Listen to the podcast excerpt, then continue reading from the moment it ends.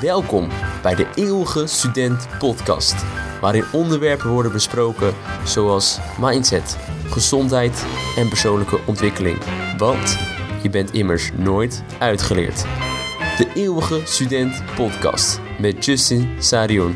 Veel luisterplezier.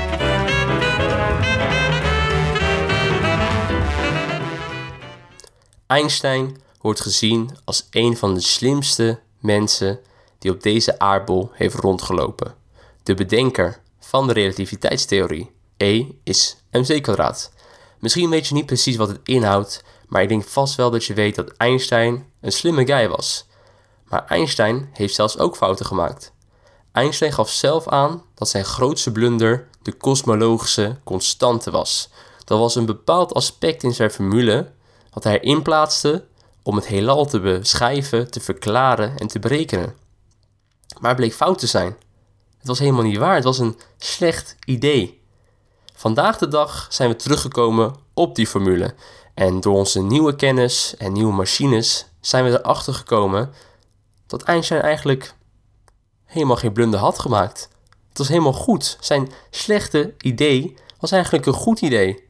En zo zien we dat zijn slecht idee van een paar jaar geleden, misschien tientallen jaren geleden, vandaag de dag opeens een goed idee is. Terwijl er niks is veranderd aan zijn uitleg of zijn theorie.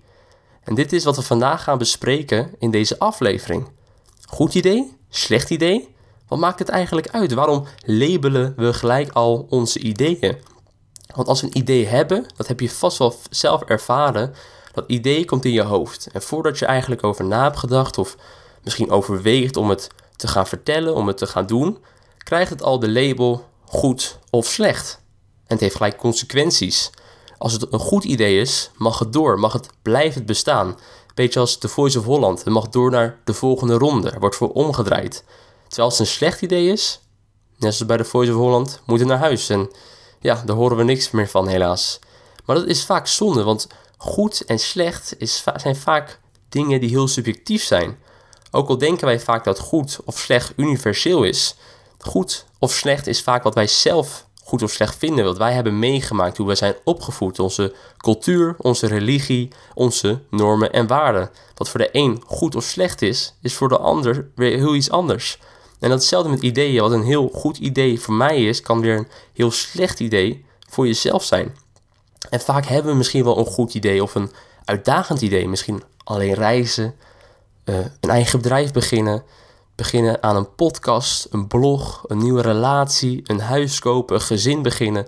Noem het maar op. Maar er komt toch de twijfel, de slechte ideeën of de slechte kant van het idee naar boven. En we laten het liggen. We doen er niks meer mee, want het is nu besmet met het label slecht idee. En dus we moeten naar huis. En er is een hele mooie quote dat twijfel doodt meer dromen dan mislukking. Dus doordat we eigenlijk al, voordat we het idee überhaupt in de werkelijkheid gaan plaatsen, door onze label, door onze twijfel, door onze label van slecht, kan onze droom nooit bestaan of nooit leven.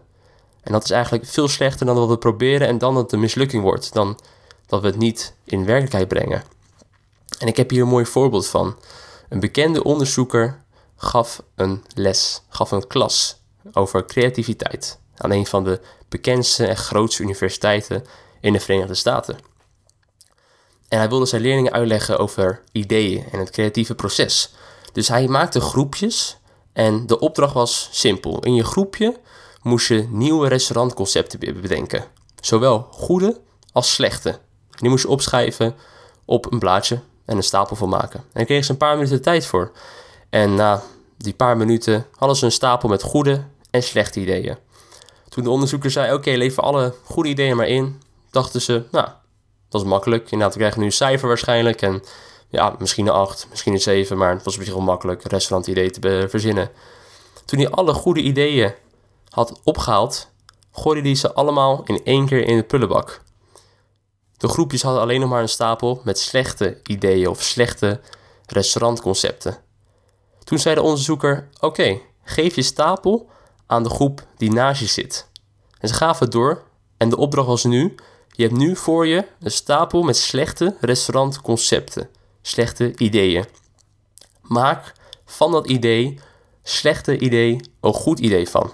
Go! Nou, de leerlingen waren natuurlijk wel verbaasd van, hè, hoe moeten we van een slecht idee nou een goed idee maken? Want het is slecht, dat is toch, hoe, hoe kan het veranderd worden? Maar ja, het was een opdracht en je zit toch in de klas en de onderzoeker is ja, je docent, dus je gaat er maar aan de slag. En in het begin was het lastig, maar uiteindelijk kwamen de groepen met nieuwe ideeën. De slechte ideeën waren een restaurant op een, uh, met afval, een restaurant met insecten, op een vuilnisbelt. Allemaal ideeën waarvan je denkt van nee, dat is inderdaad een slecht idee voor een restaurant. Maar nou, brainstormen, overleggen en vooral hun mindset te veranderen van slecht naar goed, werden de slechte ideeën opeens goed. In plaats van een, inderdaad een restaurant met afval op een vuilnisbelt, ging ze dat vertalen naar we maken een restaurant en we gaan alleen maar gerechten maken van al het afval wat wordt gemaakt of al het eten wat overblijft bij Michelin-star restaurants. En van een restaurant waar we insecten lopen of insecten gebruiken, maken we een sushi-restaurant, maar de sushi wordt gemaakt van insecten. Want in heel veel andere gebieden wordt insecten gewoon gegeten als eten en het is vol met eiwitten. Natuurlijk, dit was gewoon een creatief proces en dit hebben ze niet werkelijk gerealiseerd, deze restaurants. Maar het gaf wel aan dat de ene groep iets slecht vond, was voor de andere groep wel weer iets goeds. En ook al werden ze in gedwongen in die positie, door hun mindset te veranderen naar goed, veranderden ook de ideeën. En zo kunnen wij dat ook doen met onze eigen ideeën. Als wij gelijk al iets zien als slecht, dan blijven liggen, dan gooi je het in de prullenbak. Net zoals die onderzoeker deed, gooi het op die stapel. Maar als we het even laten wachten, of we gaan het expres bekijken, elk slecht idee gaan we goed bekijken en een goed idee slecht, dan wegen we het af als het ware. En kan het ideeën heel veel mooie nieuwe inzichten brengen en mogelijkheden.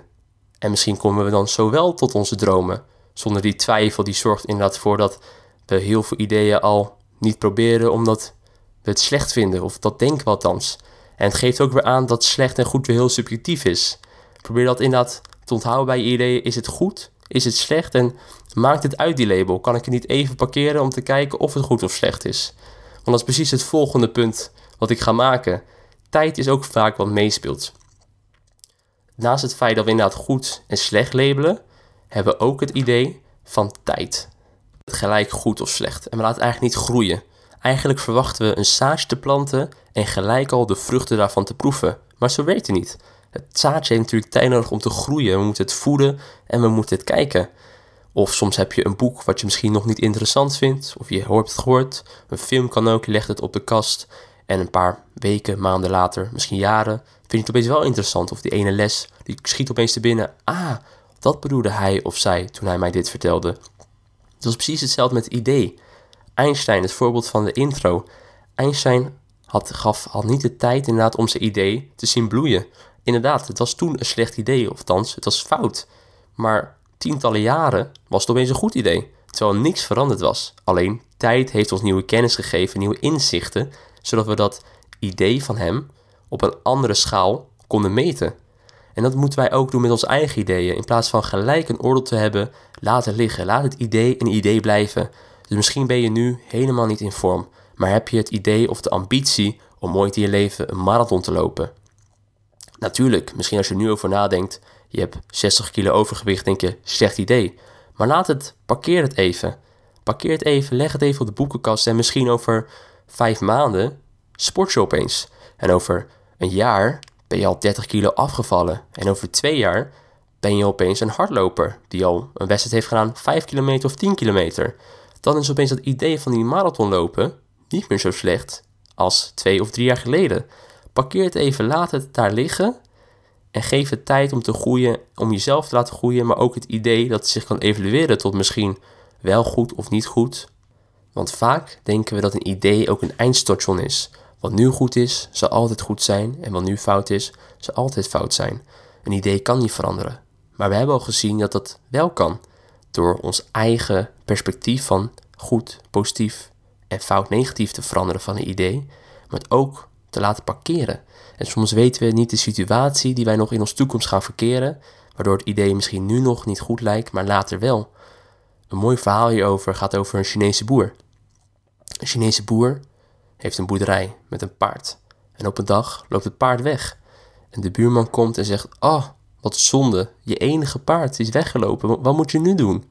Waarop de Chinese boer zegt: hm, Misschien, misschien niet.